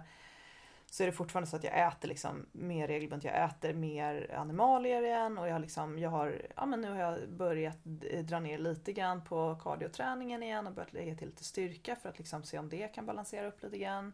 Och eh, är otroligt mån om att få in min sömn. För det var också en grej vi gjorde otroligt militäriskt, eller jag gjorde förra hösten, var att jag alltid klev upp klockan fem. Mm. Nu har jag, ja men jag gör det ibland absolut, men det, jag sover nog lite mer nu också. Så att Mm. man så här försöka vara lite mer snäll mot sig själv och se vad det kan göra. Mm. Eh, men det hände ju i varje fall ingenting på, på hormonfronten eh, fronten där på ganska länge. Eh, jag gick till första gynekologen i början, eh, strax före sommaren och hon, det var intressant hur den svenska sjukvården fungerar. Men hennes första grej var ju, fråga var ju så här, vill du ha fler barn? Och jag sa så "Nja, nej jag vet, nej inte nu liksom, men man ska aldrig säga aldrig. Varpå hon sa, men i så fall är det ju bara att äta p-piller. Så får du ju liksom de hormonerna du behöver ha, typ och jag var lite så här: okej fast det var ju inte det. Jag tog ju ut min hormonspiral för att jag inte vill hålla på med det där. Men hon var bara intresserad av att jag skulle ha liksom, en blödning. Så att, Mm. otroligt old school. Och henne började jag ju nästan bråka med. Ja just det. Men var inte hon också som sa bara, men varför vill du ha en menscykel? Eller Ja, det var någon som ja. frågade det? Ja, ungefär så. Ja. Att så här, vad, vad är vitsen? Eller varför är du här? ungefär. Eh, och då försökte jag förklara att för mig är en cykel ett kvitto på att jag mår Ja. bra. Och herregud, vi jobbar med hälsa. Mm. Eh, det, är så här, det hade ju varit, jag hade känt mig som värsta frauden om det Mm. var så att jag liksom inte försökte må bra själv. Ja. Eh, och det, jag vet att du brukar säga att, eh, vad är det, det femte... ehm, ja men precis det här att det är många som pratar om det nu, att man vill lägga till just en kvinnas menscykel Mm. och det att det fungerar bra som en av de parametrarna som man mäter inom vården Mm. som ett tecken på hälsa. Och, mm. Eh, och för det är inte det idag. Nej. Och jag kan ju inte då vilka de andra är tyvärr. Ja, men det är väl typ puls och Eh, ja, kroppstemperatur och ja. blodtryck och... Ja, sån, ja. men något sånt, och kanske blodvärde så här, sänka. typ. Exakt. Eh, Men att man då också ska lägga till det här som en parameter. Mm. Hur cykeln funkar. Och där är vi ju inte idag och jag tror att skulle Nej. man göra det så skulle man få eh, då skulle det bli liksom lite, jag vet inte vad, det skulle bli lite lätt överbelastat. Ja, men också så här, det är ju så många som äter så mycket p-piller. Folk vet Så ju man inte. vet ju då inte Nej. riktigt hur ens egen Och det är det som är skrämmande för många ut. äter ju p-piller under hela Mm. första halvan av deras fertila liv. Ja. Från att man typ börjar menstruera och börjar ha sex någonstans där i tonåren till att man ska försöka skaffa barn. Varpå då också många inte kan få barn. Mm. Ja. Och det som jag också förstått ju mer jag grottat och läst det här det är att när du, om du börjar som i mitt fall, jag tror jag hade en naturlig mens i typ ett halvår kanske på sin höjd eller ett år innan jag började med p-piller. Då har du har fortfarande inte, det har inte satt sig i systemet. Mhm. Eh, Så att du är så känslig då för rubbningar så Mm. att du kan ju totalt sabba Mm. for life liksom din cykel genom att börja äta p-piller så tidigt. Mm. Och därför är det också så skrämmande att man skriver ut det så lättvindigt till så, unga många personer. och unga och att det är så mainstream. Att det är ju liksom någonting som man bara så här, Att vi inte pratar om det mer. ja. Och det, men det tror jag vi gör nu. Jag tror, Ja. jag hoppas att det inte är lika många idag tonårstjejer som bara så här av slentrian nästan Mm. börjar äta p-piller. Mm.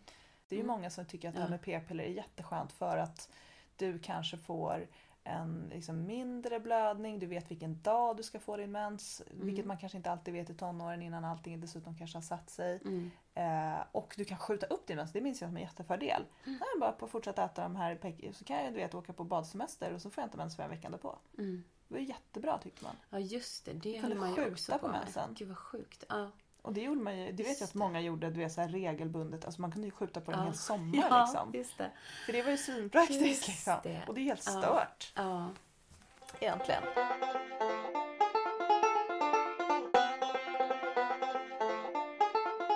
Nej, så jag gillade inte den gynekologen och fick henne till slut att, och hon förstod mig och för jag började prata om att eh, jag vill inte ha de här hormonerna och bla bla bla. Och då eh, tipsade hon mig vidare om någon som hon då menade var lite mer så här holistisk slash alternativ men fortfarande inom skolmedicinen. Mm. Och hon har ju faktiskt varit bra men jag får inte tag i henne längre för att hon håller på och skriver en bok såklart. Just det. Ehm, Mm. Men då har jag fått komma till en tredje person som jag träffade förra veckan.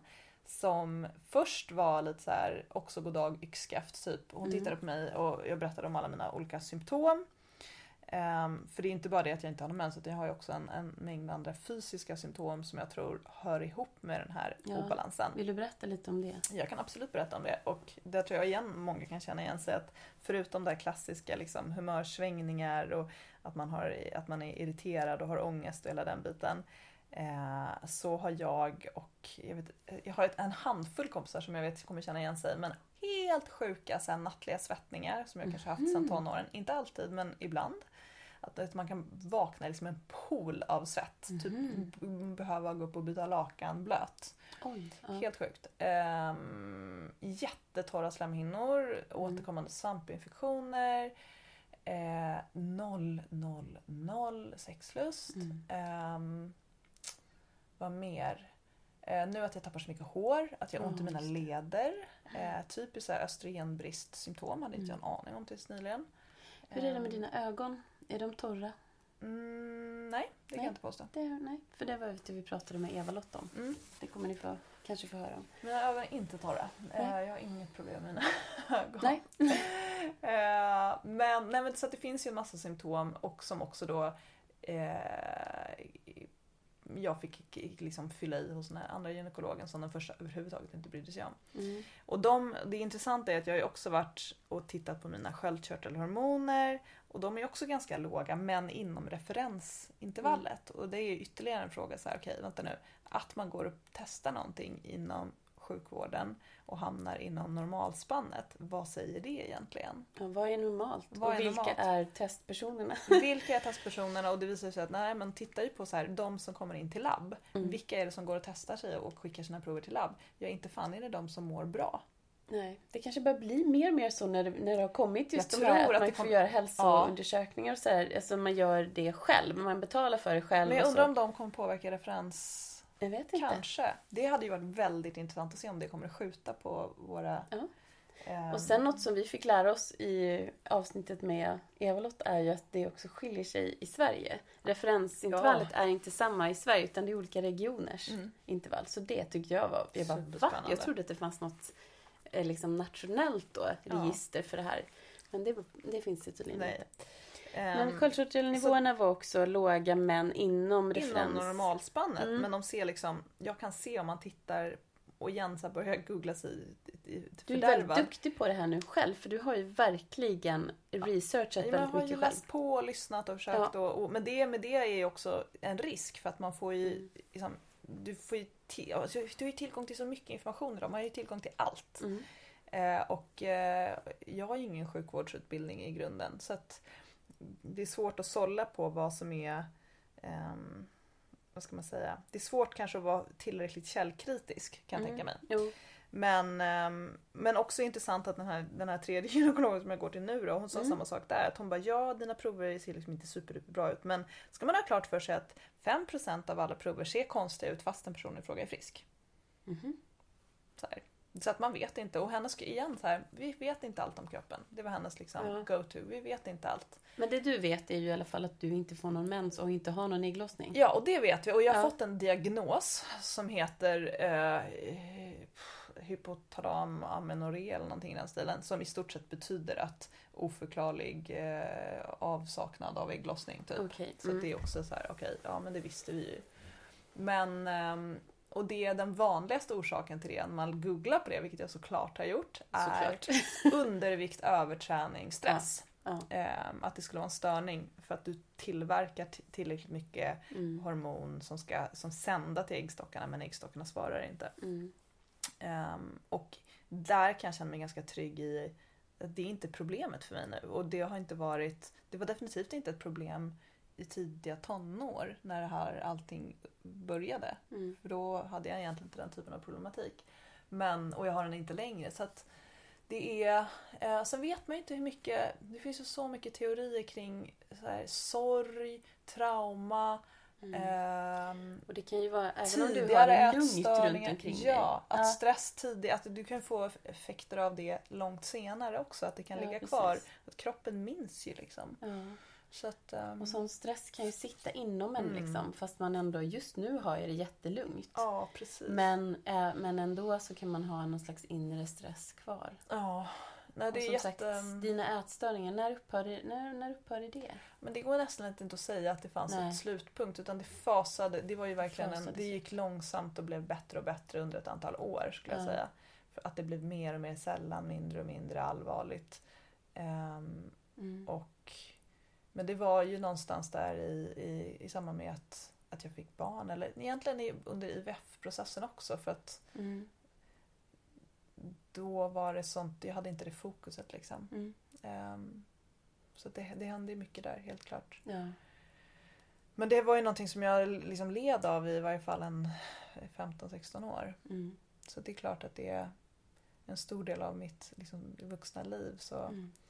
så um, fanns det med mig liksom, som en skugga. Mm. Ehm, och det är klart att det påverkar. Ja. Det kommer bli konstigt annars. Men så status nu i varje fall är att jag försöker igen att, för jag fick en, en ehm, av den här gynekolog nummer två i somras så tyckte hon ändå att jag skulle prova en hormonbehandling. Och den klarade jag av ungefär fem dagar innan Just jag blev det. typ suicidal. Ja men det minns jag. Du mådde så Ja. otroligt dåligt Ja, då. men jag blev så ledsen. Ja, Eh, det var ju att, och det var, jag känner ju igen, och det tror jag alla kan känna igen, det hade ju varit som att förmodligen börja med p-piller igen. Ja, Ungefär samma känsla ja. av att bara vilja lägga sig ner i en blöt Men fläck. antagligen ännu mer Ja, för dig. Ja, Eftersom dina, alltså du inte då, lite igen det där andra som du sa, eller när du gjorde IVF, att det blev liksom en chock då precis. för ditt system, för du inte haft något. Exakt. Ehm, så de slutade jag med och sen fick jag inte tag i den där läkaren och nu så pratade jag med den nya och hon tyckte väl att det kanske var en liten, lite för stark dos. Så nu tar jag ungefär en fjärdedel av den sen en Mhm. vecka tillbaka. Knappt Okej. en vecka tillbaka. Ja. Och än så länge så verkar det funka fint. Jag har inte märkt av att jag har varit särskilt nedstämd eller orolig eller liksom ångestfylld. Tvärtom har jag mått liksom bra. Men jag känner mig, jag skulle inte kunna säga, det skulle kunna vara ett placeboplåster. Så att, för nu får jag små plåster. Men eh, så vi får se och sen så är planen är att liksom långsamt trappa upp dem för att som hon säger så här, ja, vi, jag förstår att du vill veta varför det är så här. Mm. Vi kan inte riktigt säga varför. Eh, det är så mycket vi inte förstår med kroppen. Mm. Men du kan inte gå runt och ha så här låga östrogennivåer. För Nej. det skadar din kropp på riktigt. Liksom. Mm. Ehm, så nu får du ta, och ta det här och så får vi se hur det liksom... Så, och det är tråkigt för nu är jag tillbaka i att okej, jag ska ta, det är i varje fall bioidentiskt ehm, som jag ska ta. Vilket ju då innebär att det ska passa bättre i, som nycklar i kroppen kan man Mm. säga. Än att äta syntetiskt hormon som kan ge en del otrevliga bieffekter för att Mm. det gör jobbet men du får också kroppen blir lite lätt förvirrad kan man förklara det som på ett Mm. enkelt sätt. Ehm, men där kan man, om man är intresserad av det här med hormoner och bioidentiska och syntetiska så kan man verkligen gå in och kolla på Jenny Kos har ju skrivit jättemycket om Mm. det här. Ehm, och överlag kan jag rekommendera om man vill veta Mm. mer om, om, om hormoner och eh, fertilitet och eh, så vidare. Men jag har ju, det jag är orolig för liksom, i grund och botten som kommer ligga kvar som gör att jag fortfarande kommer försöka dona med det här det är Mm. ju att jag har de här lite halvkassa sköldkörtelvärdena. Ehm, jag har ju svindåliga då egna hormoner uppenbarligen. Ehm, trots att jag nu sköter mig inom citationstecken. Och då undrar man ju, jag går ju och tänker sådana saker som att okej, kan det vara så att jag har någon ehm, annan störning, sjukdom, underliggande Mm. grej som ligger, är det, är det här ett symptom på någonting? Ehm, och det gör ju att jag inte kan känna mig helt lugn i att bara allting blir bra bara för att jag nu tar Mm. det som ett tillskott. Ungefär så. Mm. Och sen finns det ju andra saker som man fortfarande skulle kunna prova. Eh, typ sluta dricka kaffe. Ja, exakt. Det rekommenderar ju Ehm, det Jenny Kos väldigt starkt. Det är många som gör det. Ja. eh, och säger att det ska liksom förbättra. Ja, men, och det har ju en effekt på hormonerna eftersom koffeinet det gör ju att det här, vad är det, kortisolet och adrenalinet sätts igång. Ja, och det skäl ju från Det din... stjäl väldigt mycket. Och Mm. det, jag har ju också läst att koffeinet också min, sen försämrar din närings, ditt Mm. näringsupptag. Så är det ju. Alltså det är intressant för att det, på något sätt så är ju tror jag, kaffe och koffein en sån här riktigt tveeggat skär, Ja, eh, det svärd. är något som delar. Ja, dels delar är liksom Mm. de som är intresserade av hälsa i två läger och sen Mm. så är det också ett tveeggat svärd. För jag tror att hur man än ser på det Mm. så finns det massa saker som är bra med kaffe och koffein som Mm. man har liksom kunnat se i studier på studier att det minskar risken för eh, malignt melanom, Mm. eh, det minskar risken för Alzheimers, det minskar risken för diabetes typ 2. Det finns en massa fördelar med att dricka alltså, rätt mycket kaffe. Du Mm. måste dricka typ 3-4 koppar om dagen. Men Eh, då men- får man tänka, ja precis, för jag tänker också, vem är de här studierna gjorda på? Är de gjorda på män, kvinnor? Det här är kvinnor. Är det kvinnor i fertil ålder? Ja, Ja. men- men vad gäller... Vilken då? Vilken studie då? Ja, jag kan ju inte säga precis vilken studie. Nej men vilken av, vilken av men fördelarna? malignt melanom till exempel Aha, har man kunnat se att det funkar inte på män. Det Nej. skyddar inte för män men det skyddar för kvinnor. Mm. Vilket Och är då är intressant. frågan ändå, Då alltså, har det ju en kan- hormonell påverkan bevisligen Ja, ja. eftersom det funkar för kvinnor men inte för män. ja just det. Ehm, och eh, vad gäller Alzheimers tror jag man har tittat, jag har svårt att se att man skulle bara tittat på män. För jag vet att det, du är mycket inne på att man, alla studier görs på män men, men jag tror nog ändå att man är rätt mån om att göra någon typ av ehm, eh, när det gäller den här typen av, av Mm. studier att man vill ha en mm, befolknings liksom, snittsaktigt. Mm. För hade man bara gjort det på, på friska vita män så hade det liksom inte riktigt blivit rättvisande Nej, Men där, jag vet ju att hon Alisa Vitti, hon Mm. menar ju att man gör mycket studier på, men generellt på liksom män och kvinnor i icke-fertil ålder. Mm. Just för att vi är så volatila. Alltså det Mm. enda som, så det är svårare att forska Svårare på att kvinnor i, i eh, fertil ålder. Och jag tycker bara att det, rätt- liksom, det låter ju rimligt. Men där, det, vi, vi vet ju inte. Jag vet inte tillräckligt mycket om det. Men jag tycker att det låter... Ja, det är en intressant aspekt av det Alltså det här med studier är också så intressant Mm. för du kan ju hitta studier som stöder i stort sett vilket jävla Ja. påstående som helst. Eh, för det finns, alltså det produceras ju så mycket studier så att man kunde bada i studier. Och Jag tror vi pratade lite med Ann om det här också. Det handlar ju också om vem står bakom forskningen. Vem finansierar forskningen? Mm. Ja, men då, vi vill att du ska visa att det här, det här, den här för, positiva fördelen med vad det nu är där. Eller att vi vill att du ska visa att det här verkar vara dåligt. Och sen är det samma sak igen vad gäller kosten och sånt. Vem har, är det Mm. någon som har ett intresse för att visa att det här är, Mm. är, är sunt att äta fan jag, broccoli? Mm. Um, Nå, kanske inte något läkemedelsbolag som har någon så jättestor vinst i det. Däremot kaffe, det finns ju, alltså det är ju en gigantisk industri. Ja. Det är klart att det finns, och där var ju din, eh, ehm, vad heter han nu? Medical medium. Medical Medium som jag också kan länka till. Han har ju skrivit, eller poddade ju om kaffe och, och hade någon sorts teori där kring hur ehm, det är, vi, vi liksom alla går runt och är drogade med kaffe för att vi Mm. täcker upp för, för något annat Vi läkemedel. lurade. Vi lurade. Mm. Och där, men han har en poäng i att det är en gigantisk industri Ja, är förstås. Ehm, så den är nog lika tung som läkemedelsindustrin Ja. i vad man ska vilja visa med studier kring Mm. koffein kan Mm. jag tänka mig. ja, kanske. Ehm, Det är ett ganska det är ett roligt... lite... Ja, men faktiskt. Och det är ett intressant avsnitt att lyssna på. Ja. Det är lite trigger warning på den. Ja, man får ta För det att man blir salt. också lite så här, men nej, hur liksom, var kommer det här ifrån? Var, varför liksom, jaha, typ. Man blir Ja. lite så här. För att kaffe, ja, jag, ni vet ju alla här att vi båda är kaffeälskare av Mm. rang. Jag menar vissa personer, ja men som min man, han dricker kaffe då och då. Jag vet min mans syster, hon dricker aldrig kaffe, hon gillar inte det liksom. Nej. Eh, fantastiskt, men jag är ju då, men jag är ju inne i den här drogen. Ja, men du dricker inget kaffe just nu för du Just josar. nu gör jag inte det, för nu josar jag. Jag kommer josa i fyra dagar. Det är som att varje gång vi sitter och pratar då har jag någon ny diet. Varför förra, förra veckan var det ehm, Green diet. som höll då i 1,75 dagar istället för my 10. god. Jag vet inte vad det var. Var det 10 dagar du skulle ha gjort? Ja, fast tio dagar var, ja men det var liksom, Det var ordinationen. Det, det var ordinationen. Jag tänkte fem dagar, för jag skulle ju på 40-årsfest på lördagen. Så jag bara, men nej, kanske fem dagar. Sen var det tre dagar, sen blev det 1,75 dagar. Det vill säga att jag åt, Och du fuskade på de 1,75 för du åt jag tog en matcha ja, svartris och matcha-latte på morgonen. Man skulle, fick inte dricka havremjölk liksom. Det, Åh, Ja, nej, det gick jättedåligt. Men den här juicningen tror jag kommer gå bättre. Eh, den brukar ju gå bra. Den brukar Ja. jag hålla mig till. Men det är också för att det är också väldigt lätt att göra den. För du har ju dina, din, liksom, allting står Ja, färdigt. alltså jag gillar ju konceptet också. Mm. Eh, Och jag tycker de där juicerna är jättegoda. Alltså de är så goda. Vissa hatar ju dem. Ja, jag vet. Alltså vissa Jag tycker... fick vissa ju en hel omgång av Ja. Fia, vår kompis. Ja. Hon bara, alltså Lolo du får ta de här för att de är så äckliga så jag spyr. Jag Ja. bara, mm, men jättegoda. Ja, de är, jag tycker också att det är gott. Men det är en, en eh, vanlig sak tror jag. Ja, ja, det är det nog. Men om man ska hoppa tillbaka till kaffet då. Nej, precis. Men det, det som är roligt, eller liksom intressant med det är ju att som jag gör ju de här små experimenten med Mm. mig själv med kaffet. Mm. Och det får ju faktiskt sjukt bra effekter. Alltså att Mm. sluta med det. Alltså jag har ju aldrig lyckats förutom under mina Nej. graviditeter och när jag hade denguefeber. Ja, just det. Eh, För då, mådde, då var jag så sjuk. Det krävs en denguefeber det för krävs att, en denguefeber för att jag ska sluta eller en graviditet. Ja. Eh, Men det är ty- för det är också en sån intressant grej just hur det har påverkan på kroppen. Mm. Att du inte vill dricka kaffe, eller får dricka kaffe egentligen i stora mängder när du är gravid. Mm. Det säger ju någonting om Mm. vad det är. Det säger ju något. Jag som då var extrem kaffebrukare, jag, jag höll upp under de där första 12 veckorna, sen Ja. drack jag lite kaffe. Ja men jag med. Jag drack ju sån kaffe typ som vanligt Även om det sen. inte var lika gott, för det var verkligen inte lika Nej. gott tyckte jag. Jag tyckte att kaffet hade en speciell bismak. Men alltså det fick ju en typ spy de första 12 veckorna. Ja, nej då gick det inte. Och det säger ju någonting. Ja.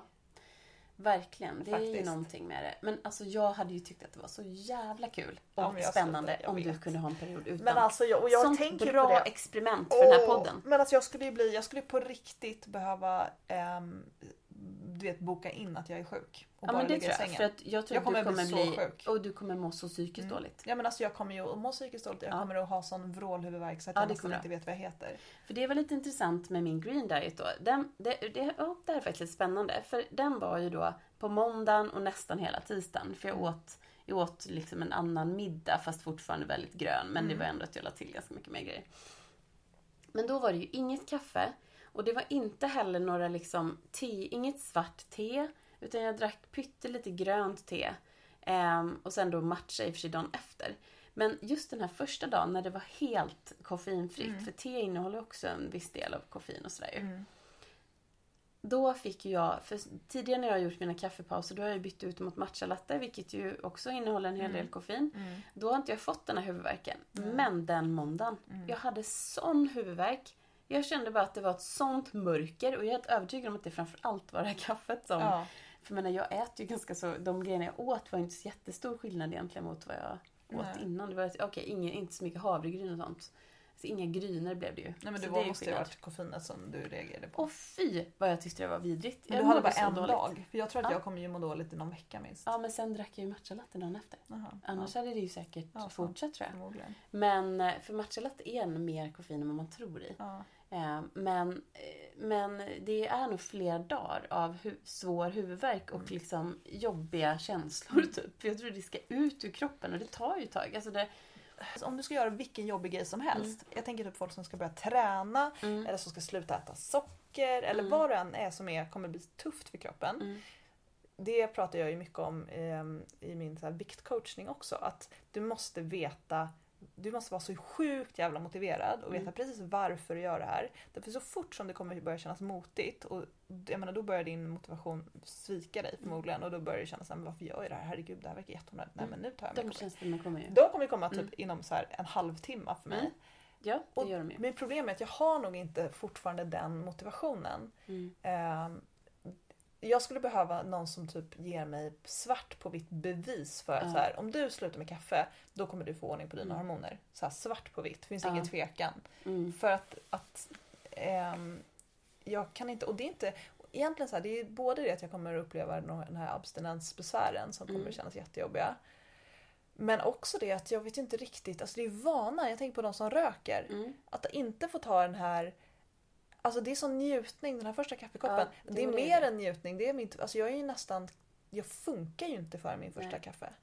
Nej, och det säger ju den här Medical Medium, vilket jag kände mig väldigt träffad av. Att liksom, men har ni funderat på Mm. att vilket beroende ni har Mm. av det här koffeinet? Mm. Just som du säger, jag fungerar inte utan det är mer än bara något som jag dricker. Det är njutning, det är... Och jag vet Allt. att man, han sa ju också det att bara, du kan ju åka omvägar för att få ditt goda kaffe. Och ja, det Mm. kan jag signa upp på direkt. Jag vet Mm. när vi varit utomlands, jag bara Oh, jag måste ju ha min goda kaffe här nu och då räcker det. Ja, för mig Mm. vill jag gärna ha något gott. Jag vill inte, vill inte ha vanlig mjölk i. Och så, så jag Mm. bara, "Mm, hur ska jag kunna dricka det här kaffet? Eller Som hur? är gott liksom. Alltså, jag har verkligen åkt omvägar för att få mitt goda kaffe. Men alltså jag var ju, när jag först kom till USA så var vi ute i obygden några dagar på något slags uppsamlingsseminarium för de som kom på det här stipendiet. Och eh, då var det, fan, de hade ju kaffe men det var ju liksom amerikanskt blaskigt kaffe. Mm. Och jag fick ju sån vrålhuvudvärk. Alltså jag Mm. drack ju typ litervis av det här kaffet. Men det gjorde ju inte trixet för det Nej. var ju som te liksom. Mm. Eh, så att då, apropå åka omväg, jag fick ju typ sätta mig i en taxi och åka till något så här köpcenter ett antal mil bort.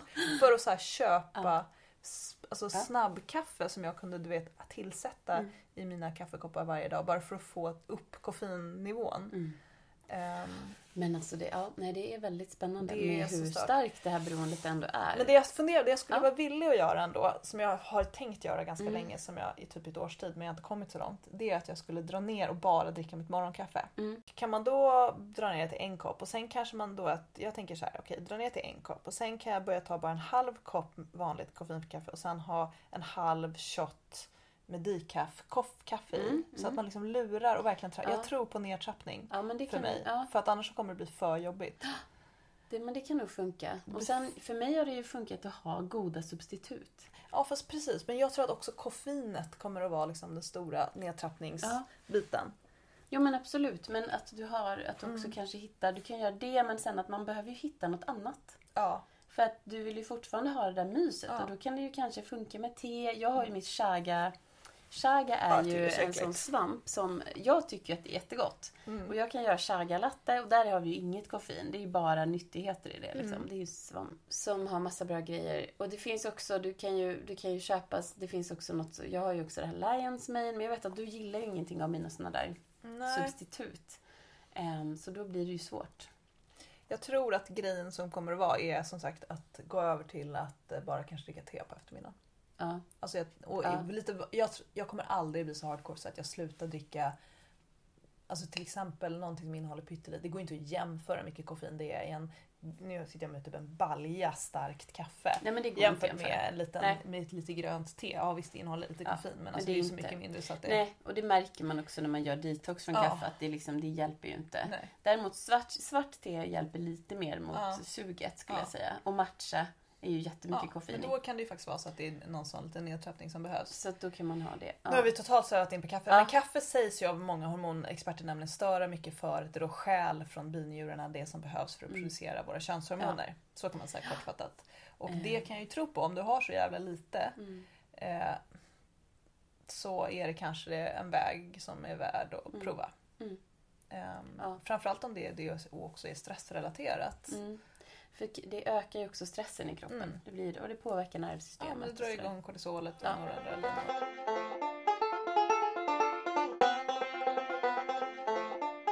Det sjuka är att jag tänker direkt så här, om jag tar bort mitt kaffe, Ja. då tänker jag också att ja, fast då får jag ju inte de här andra positiva effekterna från kaffet som jag ju nu får. Jag menar, det pratade vi till exempel om med Walter Mm. eh, i, från Gut Feeling Labs om eh, hur det påverkar vissa bakteriekulturer och att Mm. Ja, men nu kommer jag inte ihåg exakt vilken bakterie det var som jag hade ganska mycket av men det Mm. kunde kanske härledas då till Ja. att jag drack ganska mycket kaffe. Men det finns ju i andra produkter också. Jag vet, men då måste jag ju på något sätt, alltså någonstans... Det här är beroendet som talar. jag tror det.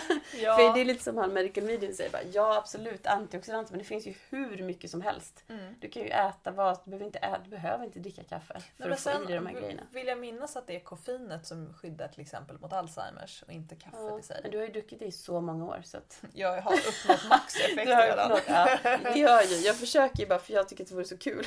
Ja, det här experimentet. jag drar mig lite. Jag bara, Eh, Men det kanske krävs att du får ta ett besök hos Jenny Kos och få en konsultation av henne. typ Så- det. det roliga är att nu vet jag inte om det, om det här kommer funka den här behandlingen som jag går på nu. För nu är tanken att jag ska börja försiktigt med östrogenet, sen ska vi ses om en månad och jag ska trappa upp den dosen Mm. om jag mår okej. Och sen så ska vi tillsätta då också bioidentiskt progesteron som Mm. jag måste balansera med. Eh, och då kanske jag kan komma till ett stadium, ställe där jag mår okej. Mm. Kanske. Det är Mm. ju målet liksom. Och då blir jag ju genast lite så här, kan jag ha kakan och äta den? Kan Ja jag det. fortsätta Ja, dricka det är kaffe? klart. Det är klart. Ja. Eh, jag vet inte. Men det är klart att i den bästa världen hade jag ju velat få kroppen att få förstå det här själv. Å Ja. andra sidan så är det ju Det finns ju en massa olika tillstånd och sjukdomar och grejer som bara är därför att du är född sån. Mm. Ehm, Men jag är övertygad om att det går mm, att fixa det. mm. Men det är också så här till vilket pris. Ja.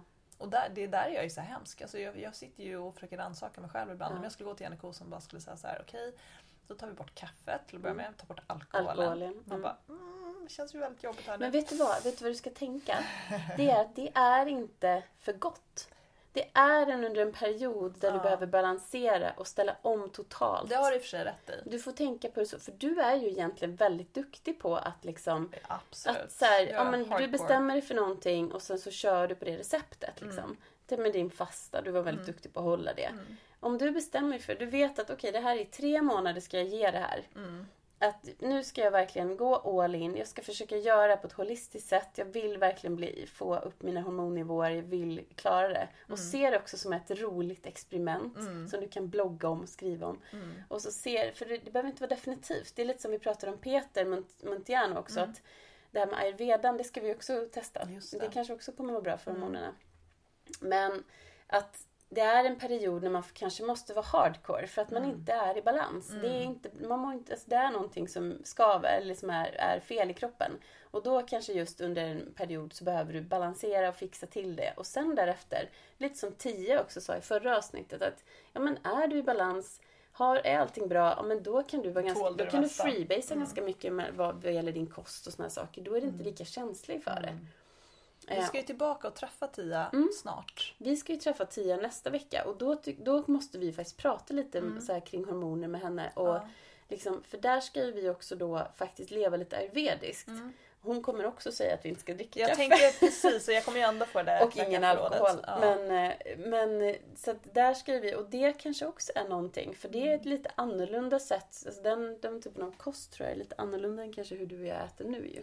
Jag tror att den kommer vara jätteannorlunda. Eh, Men där tänker jag verkligen att där ska jag gå all in för att Mm. se. Det ska bli så spännande. Men jag med. Det ska Mm. bli jättespännande. Mm. Så det kommer ni få höra mer om.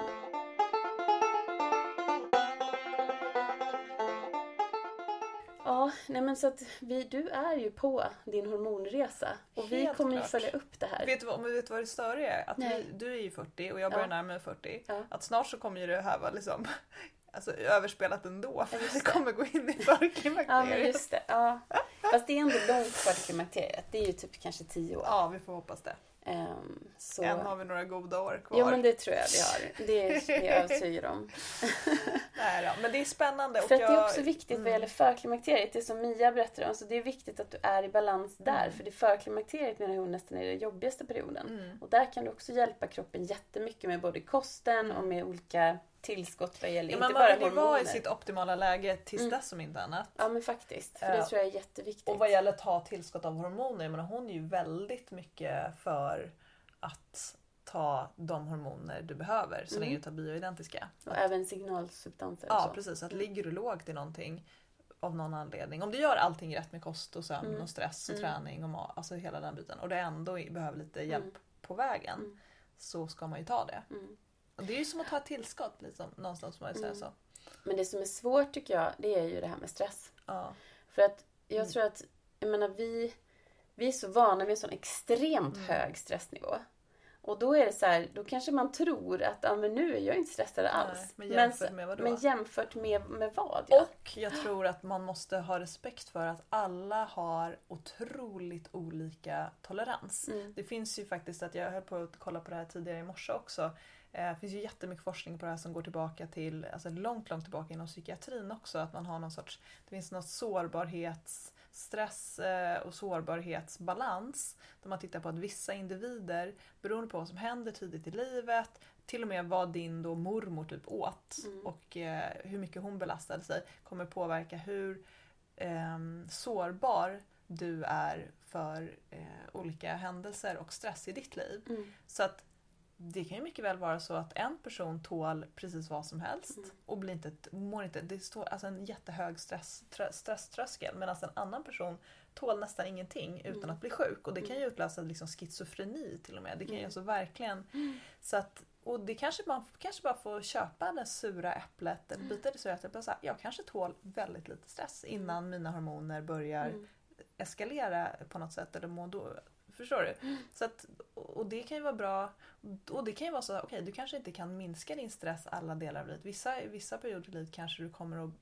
Jag menar det är som i småbarnsåren. Mm. Ja, alla vet att du ska sova 7-8 timmar ostört under natten. Men vem fan gör det när du har småbarn? Nej. Då får man bara acceptera att just nu är det så här. Jag vet att det inte är bra för mig. Jag får göra vad jag kan. Och så kan det ju vara med stress också. Att nu är vi inne i en stressig period. Nu är det belastande. Då får jag göra allt jag kan för att må så bra som möjligt i de andra delarna. Mm. Men jag kanske får acceptera att jag kommer inte att må optimalt. Ja, det är ju. Och sen, sen tänker jag just vad gäller dina hormoner och din stress. Och så du har ju också varit, är och är fortfarande i den absolut mest kämpiga tiden med just barnens Mm. ålder. För de har ju, ja men de var ju ett, när var de är, nu är de tre och fem. Så nu är det liksom lite kommit ut. Men de Mm. senaste åren, det här Mm. mellan de är ett och tre, två och fyra, då är det, alltså du har ju två barn då. Ja. De är, det är ju väldigt, och det är ganska kort tid emellan. Jag har ju, precis, har ju haft samma och jag kan ju säga när jag då när mina barn var typ ett och tre innan jag också hade hittat den här väldigt regelbundna yogapraktiken Mm. och allt så här, vilket ju var lite en följd av att jag mådde dåligt då kan man ju säga. Då var ju, det var ju liksom kaos i mig då. Mm. Jag sov jättedåligt och liksom hade min, fick ju bältros och Ja, fast jag inte riktigt fattade heller. Jag bara, men vadå? Jag, vill- jag jobbar väl inte så himla mycket nu om jag jämför med tidigare. Men Mm. det är också en, för du behöver ta hand om två små, små personer hela Du tiden. ska inte bara hand om dig själv. Men att, och det är liksom, de är så små och de är så sköra. Det kan jag tänka tillbaka på nu när mina barn är ju sju och nio nu. Mm. Det är ju liksom en helt annat...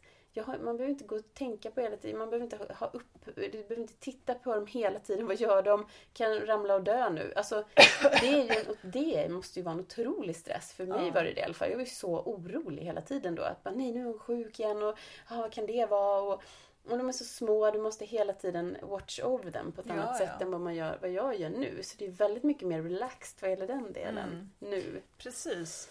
Så det, jag tror att det får man tänka på också. Mm. Ehm, Men sen såklart är det bra att vara medveten om att vad, det vore, jag tror att alla skulle må bra av att sätta sig och fundera ett varv på Mm. hur reagerar jag eller hur mår jag och hur Mm. reagerar jag under stressiga perioder och bara ha en förståelse för att, för att kunna vara lite mer schysst mot sig själv Ja, och må lite verkligen. bättre. Ja. Och sen förstå att det går inte att jämföra dig själv med grannen eller kollegan eller Nej. kompisen därför att den personen kommer hantera den här situationen på ett annat sätt. Mm. Och det är Mm. inte bättre eller sämre, det är bara annorlunda. Mm. Ehm, tänker jag. Mm. Ja, det här är så spännande och jag tänker, tänkte precis nu säga en till grej som hon Eva-Lotta sa, men jag känner bara nej det ska jag inte göra. För får inte spoila för vi mycket. får inte spoila för mycket för det kommer just kring det här med stress och män och kvinnors olika respons Mm. på, på stress också. Ehm, så vi, det, nu har vi börjat här och jag är jätteglad att du ville dela din historia. Mm. Jättefint. Och det, vi kommer ju följa upp den tänker jag. Ja, den pågår ju fort, fortfarande och kommer säkert dyka upp. Om inte annat kommer vi göra det här kaffe, kaffeavhållsexperimentet någon gång snart. Ja, och väldigt Och spännande med att se nu. Och vi vill ju höra om Mm. hur det går för dig såklart. Ja, Och sen så nu kommer ni få, nu kommer ni få lyssna på Mia Lundin nästa vecka. mm. Eh, som knyter an väldigt mycket till det här som vi har pratat om idag. Alltså, vad kan vi göra? Hur? Ja, väldigt mycket om hormoner. Mm. Det kommer bli jättespännande. Och gå gärna in och, och läs på höll på att säga. Klicka, Ja. klicka in på Mia Lundin och Hercare och kolla vad de pysslar med. Mm. Så är ni upp, uppsjungna. Ja, Vettiga. yes. Och sen återkommer vi också med en eh, funktionsmedicinare som heter Eva-Lotta som sagt. Där vi också berör ämnet hormoner. Precis. Det måste jag bara säga att det var ju så himla intressant just hos den här gynekologen att hon tyckte ju absolut inte att jag skulle gå till funktionsmedicin Nej.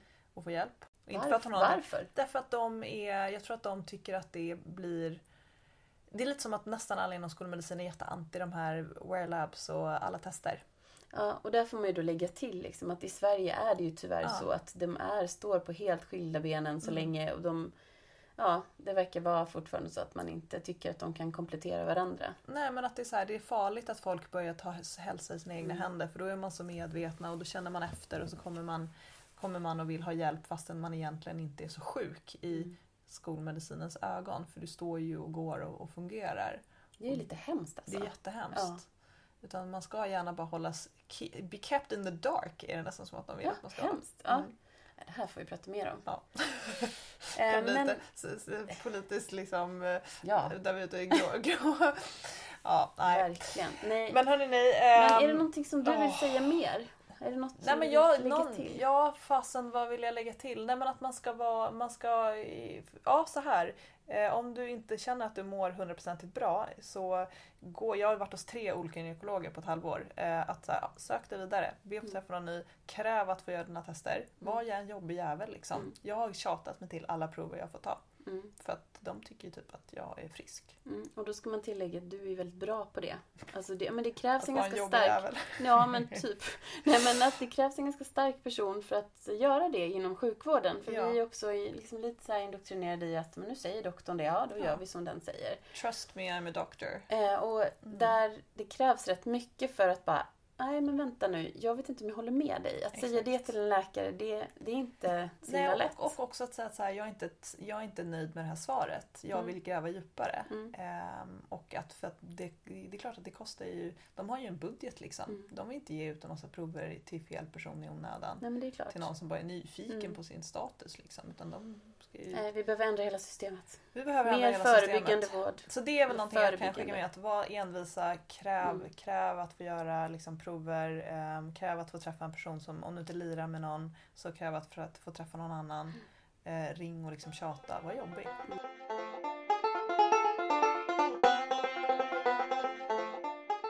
Men tack så jättemycket Ja, tack för att själv. du pratade så himla öppet och eh, fint om det här. Och det kan jag också säga, om någon känner igen sig och vill bolla eller ha fråga frågor så hör av er. Mm. 17 gubbar. Så berättar jag allt som jag har lärt mig och Ja. kan kan vara skönt att snacka med någon. Do it. Mm. Hör av er. Framförallt till Lolo. Jag vet ju inte så mycket. Du kan väldigt mycket men just det här så det, har jag ju väldigt mycket egen Ja, erfarenhet. ja men exakt. Och det kan ju, vara skönt. Det är ju det man vill ha. Det är ju ofta Infertilitet, hormonrubbningar, IVF, äh, ätstörningar. Ja, du har Hela paketet. så jävla bra paket. Hör av er till Lolo.